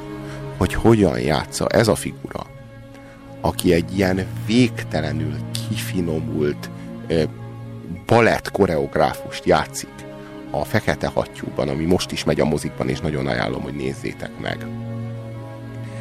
Hogy tud eljátszani ugyan, ugyan ilyen profi módon, ugyan ilyen hitelességgel egy ilyen ex bunkó lumpen proletárt, akinek az arcáról süt az értetlenség, meg a kultúrálatlanság, és a, még amikor, amikor normálisan úgy, úgy kommunikál a másikkal, hogy fog már be a pofádat, de, és, a, és az, azzal a nővel is, tehát hogy az, a, a lényéből valami, hát nyilván a gyerekkorából hordozott durvaság, de mindeközben meg valami kedves, bájos derű sugárzik, és hogyha képes vagy arra, hogy ezt a stílusát leválaszd róla, és ne ítélkezzél, abban a pillanatban egyszerűen közel kerül a szívedhez. Tehát így nem tudod nem szeretni őt. És, és gyönyörű, hogy mennyire kiegészítik egymást. Tehát, hogy a nő, aki teljesen el van szigetelve a társadalomtól, ugye egyrészt a, a handicapje miatt, másrészt uh, egyszerűen, tehát nem, nem is uh, Tehát, hogy mondjam, va- valahogy azt érzem, amikor az elején még csak a nőt látjuk, hogy ő el is döntötte azt, hogy ő nem akar része lenni ennek a társadalomnak, ami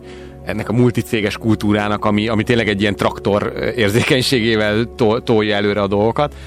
És valahol ebben a, ebben a szintén nagyon-nagyon faragatlan, de valami egész más módon faragatlan fickóban viszont meg megtalálja azt a, azt a dolgot, ami, amit ő keresett, és ami, ami, ami ki tudja őt egészíteni. Neki a képmutató, polgáriasult eh, érzéketlenség és embertelenség az, ami, az, amiből ő menekül, az az, amit ő gyűlöl, az az, amit ő elviselhetetlennek tart, és az az, amit ő szeretne a háta mögött hagyni, és ez az, amiben neki segíteni tud, hogy ebből a közegből ki tudjon lépni, és ez, e, e, ezzel a közeggel szembeni elnyomottságán urá tudjon lenni. Ebben segít neki Paul. Kérdezhetek valamit? Hát persze. Miért zárták börtönbe? Ha? Nem, nem, bocsásson meg, hülye vagyok, nem lett volna szabad. Nem, nem, semmi gond. Tényleg? Semmi gond. Ha nem akar, ne válaszoljon. Válaszolok, nem gond. Orgazdaság és minősített rablás. Milyen rablás? Minősített rablás. Kirámoltam bankokat, kocsikat, lakásokat. Ah, igen, igen, igen. De súlyos balhém nem volt, senki se halt meg. Mi baj? Olyan furán néz, azért, amit mondtam? Nem, nem, nem, azok ott rajtam szórakoznak. Honnan veszi? Szájról olvasok. Mi? A szájukról olvasok. Maga most szivat? Nem, kérdezett, válaszoltam. Úgy olvas, mint a. Szóval a... Mi ez maga szerint? Fülbevaló? Nem, azt hittem, hogy ő... Jól hall. van, elmondom. Ö, süket voltam, de most csak nagyot hallok, ahogy mondta. Úgy érti, süket?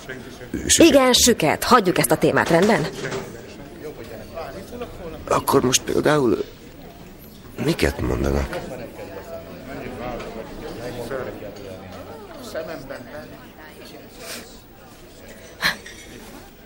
Dióhéjban, jó?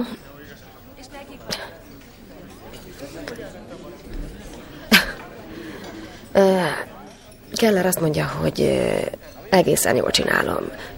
Mázlista vagyok, hogy ilyen búrával olyan pasit fogtam, mint maga. És hogy jó muff vagyok, és talán lemaradtak egy numeráról.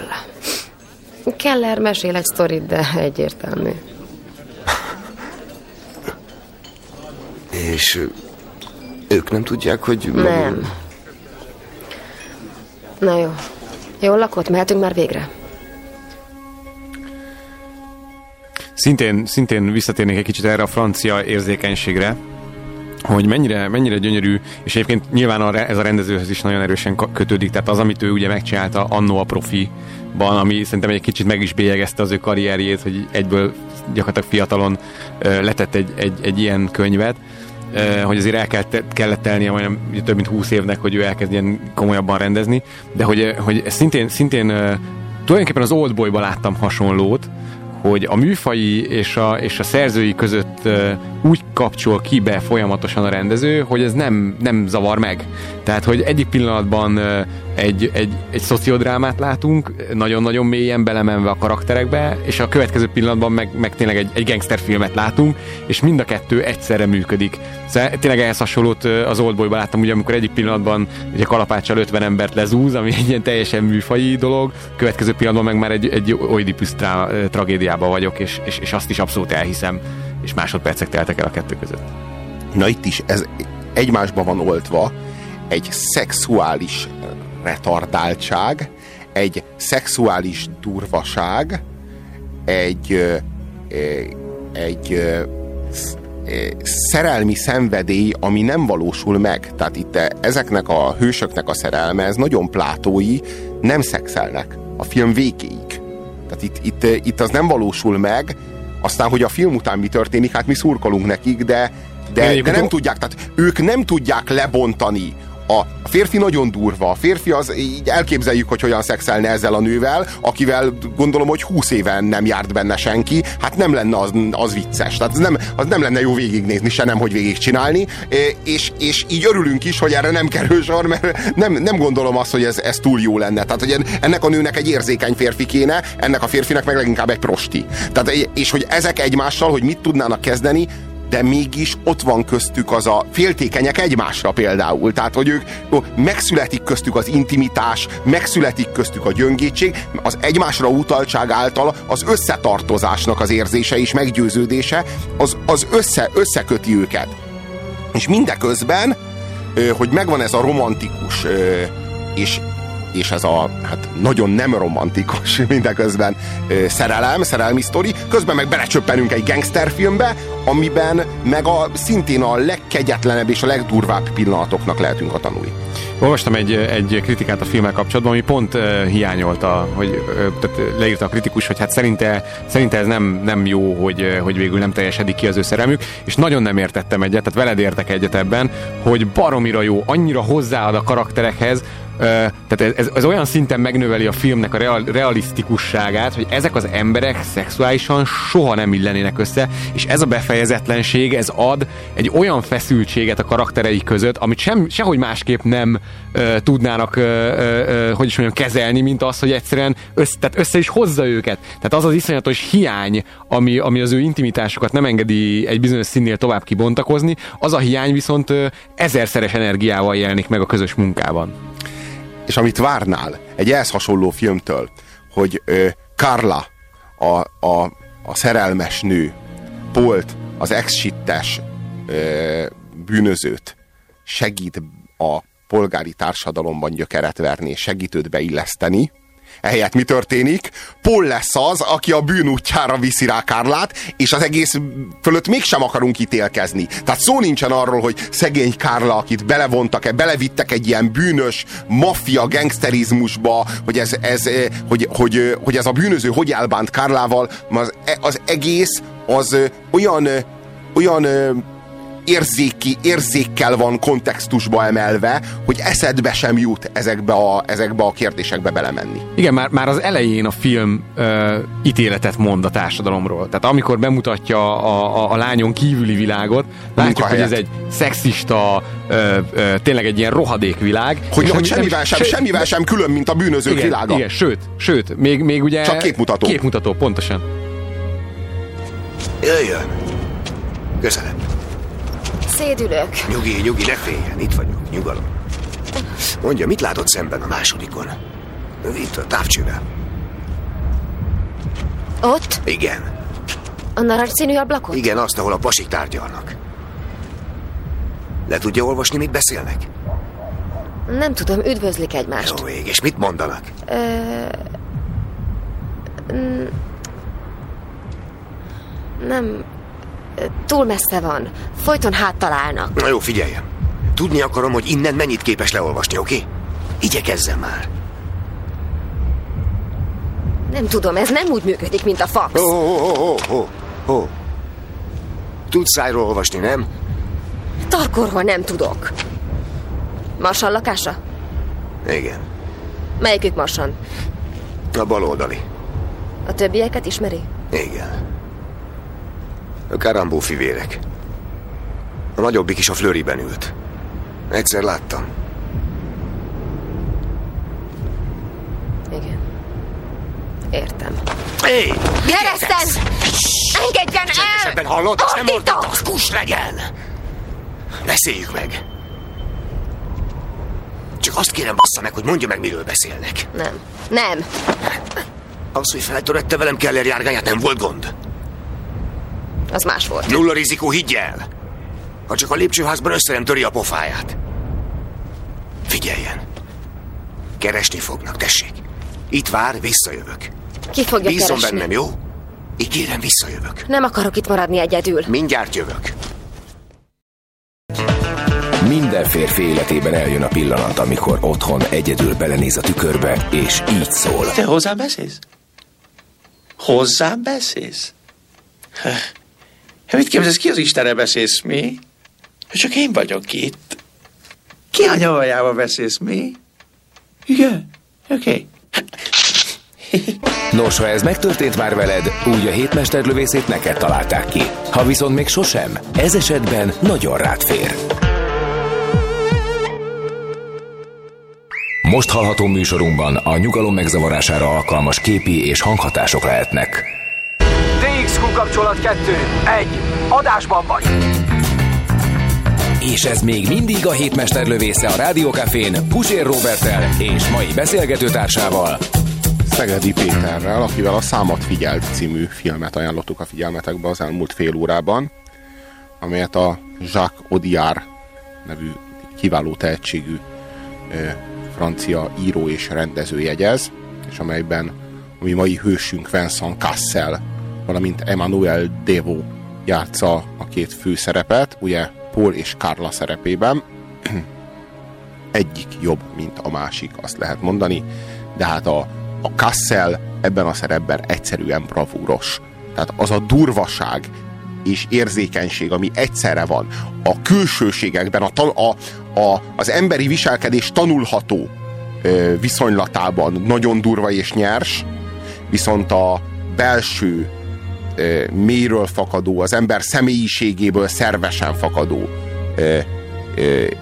jellemvonásai, azok viszont, azok viszont meg, meg annyira elragadóak, és annyira, annyira meggyőzőek. Tehát, hogy valaki, akiről mindig mindenki azt feltételezi, és te magad is azt feltételezed, hogy ez hazudozik, hát ez simlis, hát ez gazember, és, és nem, és nem, és éppen őszinte, és tök egyenes, és meg, me, meg is vannak az emberi gesztusai, csak hát azokat is olyan a maga kültelki bunkó módján adja elő, és ez, tehát, hogy mondjam, ez a film egyszerűen hiteles egy film, ami egyszerűen hiteles, és, és szívhez szóló, és romantikus, mindeközben meg ultra kemény, nagyon durva jelenetekkel, messze menőkig van tétje, egy... Abszolút minden, minden érzéseddel tud játszani egyszerre. Igen, igen, igen, és egy igazán mai mozi, ami nagyszerűen lavíroz a művész moziknak az érzékenysége és elvontsága, valamint a konzummoziknak a szórakoztatása és, és feszültsége között. Tehát ez itt tényleg minden megvan.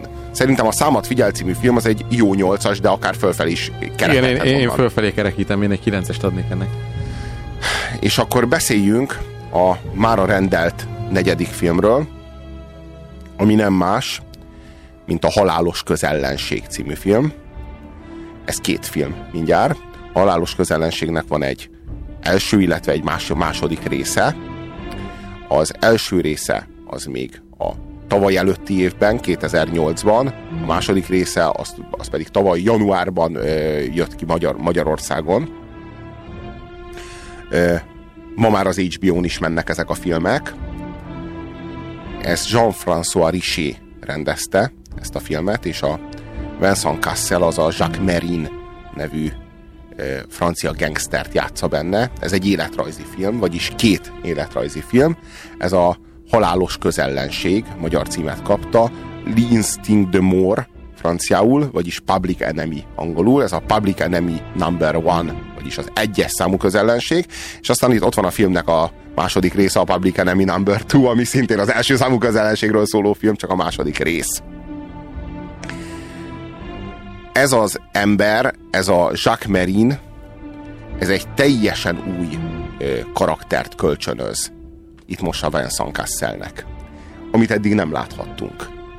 Annyira ö, siker, sikerül azt a kifinomultságot és azt a bunkóságot, amit láthatunk tőle a, a mondjuk a, a egy, számat egy, igen, mondjuk a számat figyeltben egy ilyen nagyon-nagyon sutyó bunkó figurát kell elképzelni, de mondjuk egy egy, egy, egy Fekete hattyúban? Igen, mondjuk egy fekete hattyúban ott meg egy nagyon-nagyon el, érzékeny figurát kell elképzelni. És itt most ebben a filmben, vagy mondjuk a Blueberry-ben ott is, egy, tehát hogy ö, így, igazából itt, itt most egy olyan embert látunk, aki sokkal többre vihetné, mint amennyire viszi, csak nem engedi a vére.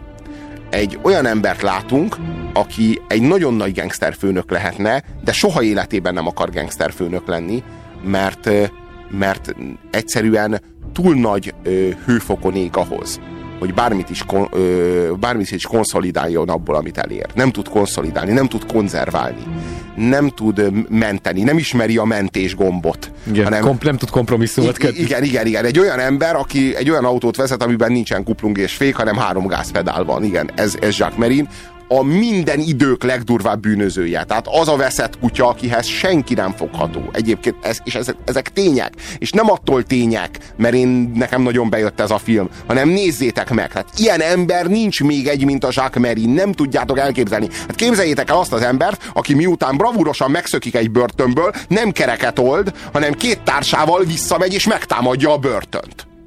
Hát most ilyet, ezek az, az emberek olyan dolgai voltak, hogy az valami elképesztő, nem ismerte a félelmet. Isten komplexus. Ez, igen, igen. Ez, ez, valami félelmetes, és hogyha az a kérdésünk, hogy, hogy hol születnek ilyen, ilyen, ilyen, ilyen veszett állatok, akik ilyen veszélyesek lesznek a, a társadalomra, tehát honnan jönnek ezek a beízle, beilleszkedésre képtelen jellemek? És hát nem kérdés, ezek ugyanonnan jönnek, ahonnan Travis Bickle a taxisofőr, vagy ahonnan John Rambo, a háborúban készülnek ezek az emberek, bizony. És tudjuk jól, hogy ami az amerikaiaknak Vietnám volt, vagy konkrétan Rambónak, meg Travisnek Vietnám volt, az volt a franciáknak Algéria. És teljesen nyilvánvaló, hogy Jacques Merin az Algériában tanulta meg, hogy hogyan kell gyilkolni. Aztán visszatérnek ezek a figurák a, a frontról, és, és Hát képtelenek beilleszkedni. Lehetet, lehetetlen a számukra beilleszkedni. Tehát, hogy ez, ez, ezek az emberek ezek nem gyilkos ösztönnel születtek, szó nincsen róla. Ezt a gyilkos ösztönt, ezt az állam verte beléjük rohadt kemény munkával. Azért, hogy saját maga érdekében kamatoztathassa ezt. És aztán, amikor ezek a gyilkológépek hazajönnek a frontról, akkor az államhatalom álságos csodálkozással szemléli, hogy a csütörtök esti tévéműsor nem köti le őket. Hát hogy lehetséges ez? Hát betörnek meg, meg fosztogatnak, meg bankot rabolnak, meg fegyveres harcba keverednek? Hát hogy lehetséges ez? Tehát így nem, nem ugyanezek azok a csávók, akiktől elvártuk fél évvel ezelőtt, hogy, hogy vallatás során ártatlan családtagokat mészároljanak? Nem? De ezek pont ők! Hát Hát ez szörnyű, hogy ezek nem tudnak visszailleszkedni. Hát hogy nem képesek erre? Csak egy gyönyörű, gyönyörű jelenetek vannak a filmben az apjával és, a, és az anyjával. Hát nem, az apjával való kapcsolata, meg a családjával való kapcsolata, az olyan, az is olyan mértékben fordul ki minden, a, egy olyan beszélgetést képzeljetek el, amiben ő játsza a saját apja szerepét, az apja, az meg a szaros kölkének a szerepét. Az anyád meg én nem akarjuk, hogy elmenj. Ez a te otthonod is. Az anyád meg én. Az anyád meg én, az anyád meg én, az anyád meg én. Csak egyszer mondanád, hogy én magam. Mi bajod van, Zsáki? Zsákinak csak annyi a baja, hogy nem bírja nézni, hogy az apjából lábtörlő lett. Ezen kívül nehéz megemésztenem, hogy a németeknek dolgoztál. Hm?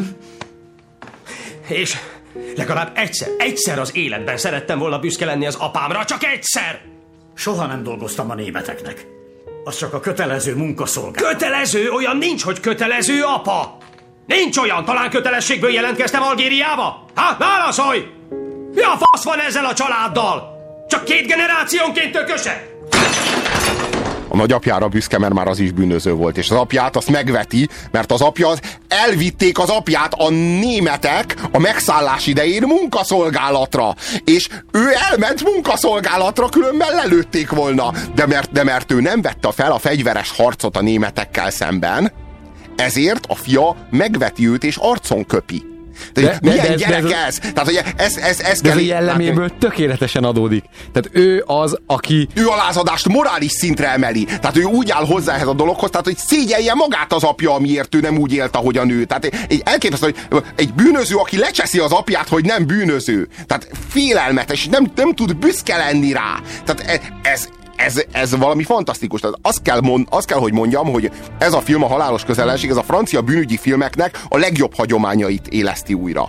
Tehát ez a, ez a Jacques Merin azt lehet mondani, hogy igazából ő a francia viszkis. Csak hát most mi egy ilyen kis ország vagyunk. Ezer, igen. Egy, egy ilyen kis ország vagyunk, nekünk ilyen viszkis jutott, hát nekik nem ilyen, nekik sokkal ilyenebb. Tehát igazából azt lehet mondani, hogy a Viszkis, aki mostanában az egyetemi tanulmányait folytatja a sitten, szemben Jacques Merinnel, aki egy antiszociális veszett kutya volt, tehát a Jacques Merin többszörös gyilkos, szemben a Viszkissel. De a Viszkis azt szerintem nem sokára szabadul a Viszkis, és szerintem nagy média karrier áll előtt. olyan lesz, a kokó. Hát hatalmas, hatalmas sztár lesz, miután kijön, egész biztos, hogy íz- saját tévéműsora lesz, most éppen a könyvét írja a sitten. Legalábbis meg lennék lepve, hogyha nem, nem, nem egész kapnának biztos utána. vagyok benne, hogy hatalmas sztár lesz a viszkis. Hát egy, egy olyan korszakban volt bankrabló, amikor mindenki gyűlölte a bankszektort, és mindenki gyűlölte ezeket a, ezeket a pénzintézeteket. Hát nem csoda, hogy népi hősé vált, és még mekkora, és hát mekkora média sztár lesz még belőle. A, nyilván kikérheti magának a viszkis, hogy mi a Jacques Merinhez hasonlítjuk, de hát azért azt gondolom, hogy egyrészt a bankrablás műfajának az adrenalin sportátétele, az, az egy erős párhuzam, a, a, a börtönből való bravúros szökés, az egy erős párhuzam, és hát ugye a médiával ápolt különleges kapcsolat, az szintén egy nagyon Igen, jó hát ő, Merint is iszonyatosan sztárolták. Tehát, Igen. hogy ő, ő, imádta a reflektorfényt. imádta a reflektorfényt, pontosan addig, amíg aztán az egyik, egyik újságíró nem írta róla azt, hogy ő elárulja a, a bűntársait, és ő, ő, ő ügynök volt, meg vamzer volt, meg, meg, meg, meg, meg egy, egy gerinctelen patkány, aki, aki, aki bárkit hátba döf azért, hogy előre jusson. Eznek az, ezt az újságírót ugyanis fölhívja a telefonon, hogy ő nyilatkozna neki, az újságíró elmegy vele, hogy, hogy interjút készítsen, és ezt az újságírót kivégzi.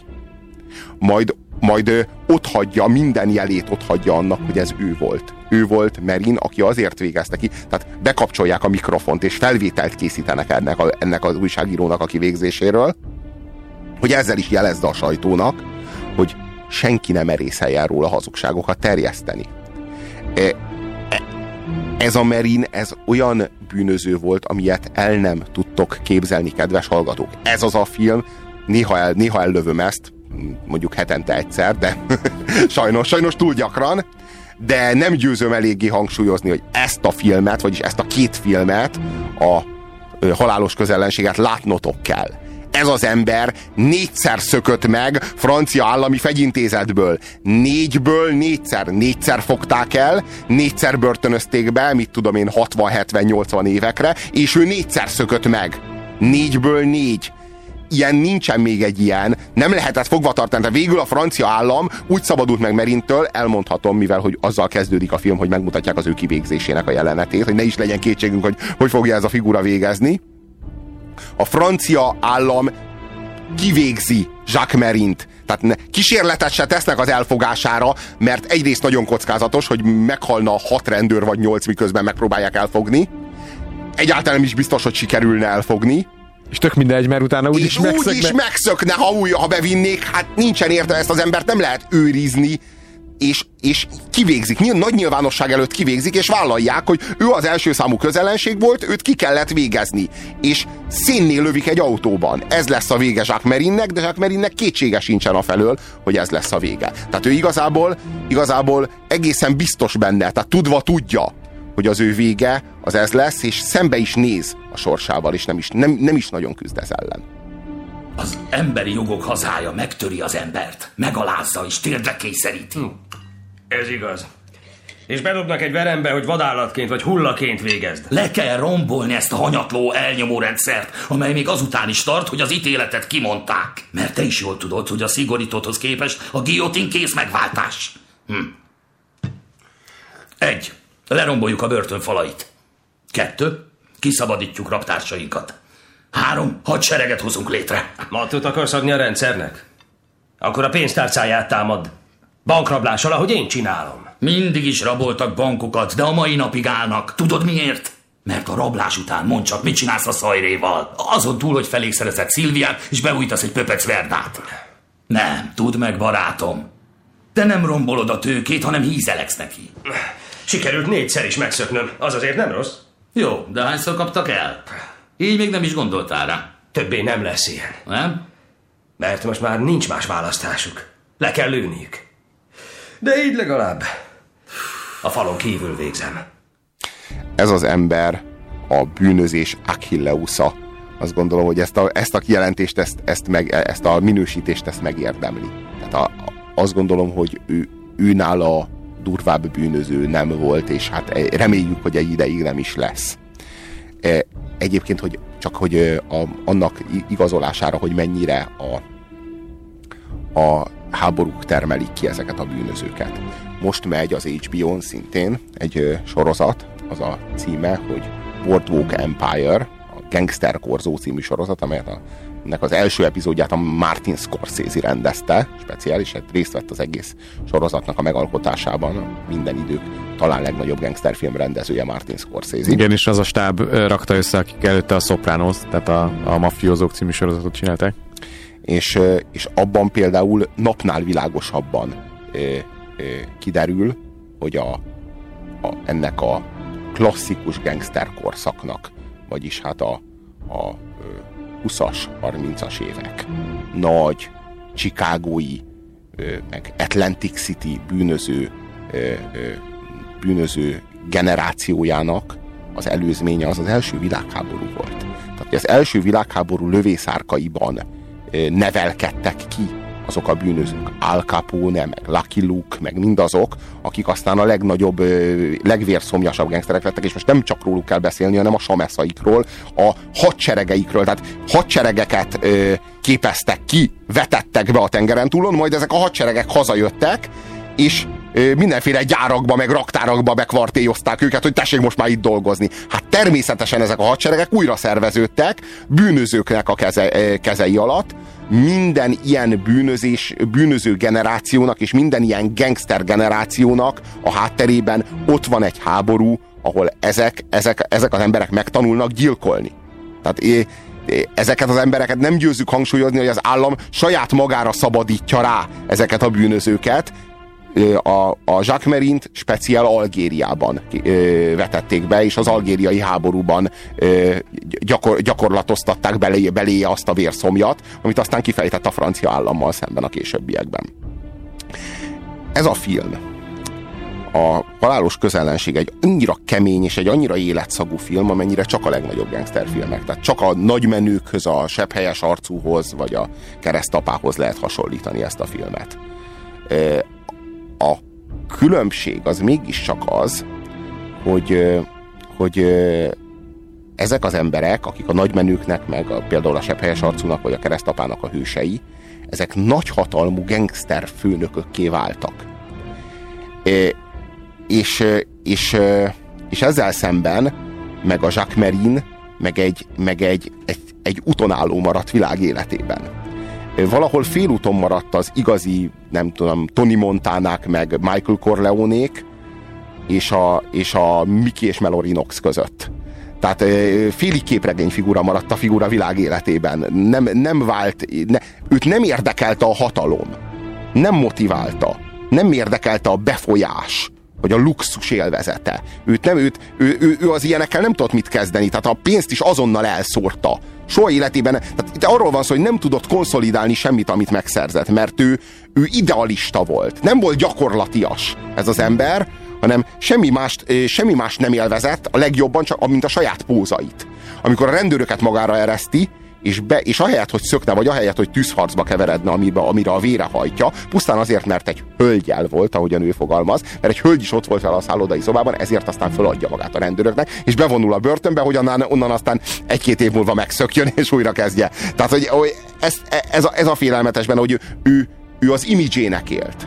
Ő, ő imádta a, a, a körülötte ö, ö, kibontakozó felhajtást, azt a, azt a kultuszt, ami övezi őt. Ő neki erre volt szüksége, ő neki soha életében nem volt szükség arra. Nem is lehet igazán tudni, ő nem a pénzért csinálta, nem a pénzért rabolta azokat a bankokat, ő nem pénzt akart szerezni. Ő, ő, ő, ő egy ikonná akart válni. Ő egy hőssé, egy, egy, egy hőssé akart válni, és azt gondolom, hogy ez bizonyos értelemben sikerült is neki. Hát annyira mindenképpen, hogy készült róla a két film. Két nem akármilyen film. És mondom, ez a film akkor se lehetne keményebb, hogyha ezt a filmet egy forgatókönyvíró írta volna. Ezt a filmet nem egy forgatókönyvíró írta, hanem a Jacques Merin a börtönben az ő önéletrajzi regényében, amelynek ha, halálos ösztön a címe, és ennek a könyvnek, a Jacques Merinnek az önéletrajza alapján készült ez a film, amelyet a Risé rendezett. Rendőrség! Mit akarsz, Zsák? Ki ez a fickó? Pinochet. Egy csilei tábornok. Egy csilei tábornok? A címlapot elfoglalja ez a bunkó rólam, bezeget szó se írnak! Az mégiscsak egy pucs. Igen, egy pucs! Egy pucs! Hoz nekem egy írógépet! Hoz nekem egy írógépet! Mert írni fogok! Meglátom, mit tehetek. Jó, eredj! Pinochet. Pinochet, még hogy Pinochet.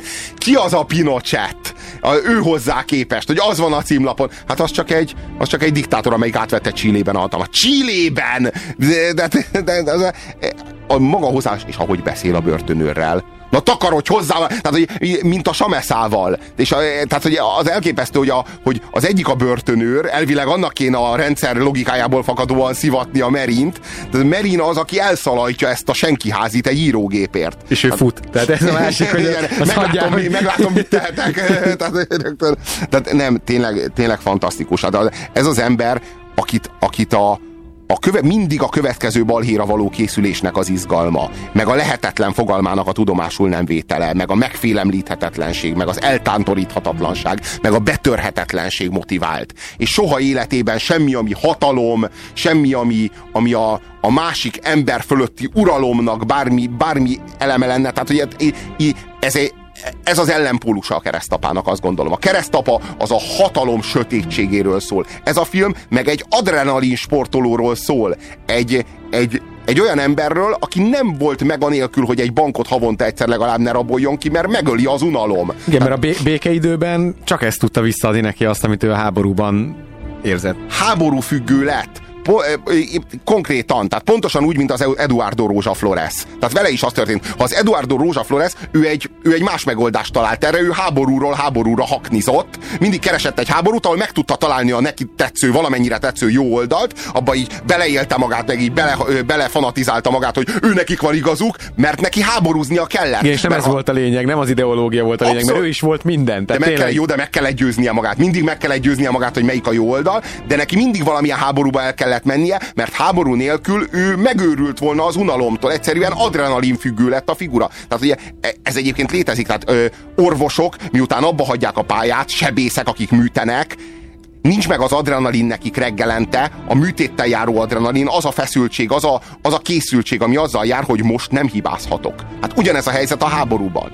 Ezek az emberek, ezek el vannak veszve, amiután kiveszik a kezükből a szikét. Mert, mert, mert, mert az egész életük súlytalanná válik onnantól kezdve. Tehát azt tudom mondani, hogyha valakit azt, azt zavar, hogy egy ember jajveszékel áttúr, átszúrt tüdővel egy sírgödörben arccal lefelé, az ne nézze meg ezt a filmet. Mert hányják rá a földet miközben még mozog. Én ezt a kaszinóban láttam egyedül ezt a jelenetet, ebben a filmben megtörténik. Tehát ebben a filmben megnézheted azt, hogy milyen az, amikor egy még mozgó, még élő emberre ráhányják a földet. Tehát az, ez a film ez azért jó, és én imádom az ilyen gangsterfilmeket, és szerintem ez az igazán jó gangsterfilm, amelyik nem moralizál, nem patetizál, nem ítélkezik, nem romantizál, nem heroizál, nem démonizál, hanem dokumentál. Megmutatja, hogy mi és hogyan történt azon kegyetlenségében és azon natur, naturalizmusában, ahogyan az történt, és ez a film ez ilyen. Tehát, hogy ennél jobb gangsterfilmet nem lehet csinálni, csak még sok ilyet, hogy adja az Isten. Hát nagyon köszönjük a figyelmeteket. Végezetül hány, hány pontot adunk erre a filmre, a halálos közellenségre? Kilencet megérdemel. Kilenc pont a tízes skálán. Az az igazság, hogy Jacques Merint nem lehet becsülni, de meg azt sem mondanám, hogy csodálni sem, meg azt sem igazán mondanám, hogy respektálni sem, meg szeretni sem, de eltátott szájjal bámulni meg muszáj. Azt kell, hogy mondjam. Meg kell, hogy ismerjétek Jacques Merin életét és Jacques Merin pályáját. Ennél keményebb, durvább film, és ehhez a franciák nagyon értenek. Ez, a, ez az erőszakos naturalizmushoz, amikor nem romantizáljuk az erőszakot, ahogyan Hollywoodban szokás, de nem is démonizáljuk, hanem csak színre szín megmutatjuk, hogy milyen az. Szóval a halálos közellenséget azt nézzétek meg mindenképpen. Mi meg itt leszünk veletek egy hét múlva is. Én Szegedi Péter barátommal és kollégámmal együtt vezettem ezt a mai műsort. Puzsér Robert voltam. Hallgassatok a következő egy hét során sok rádiókáfét a 98.6-os frekvencián. Köszönöm a figyelmeteket. Sziasztok! Sziasztok!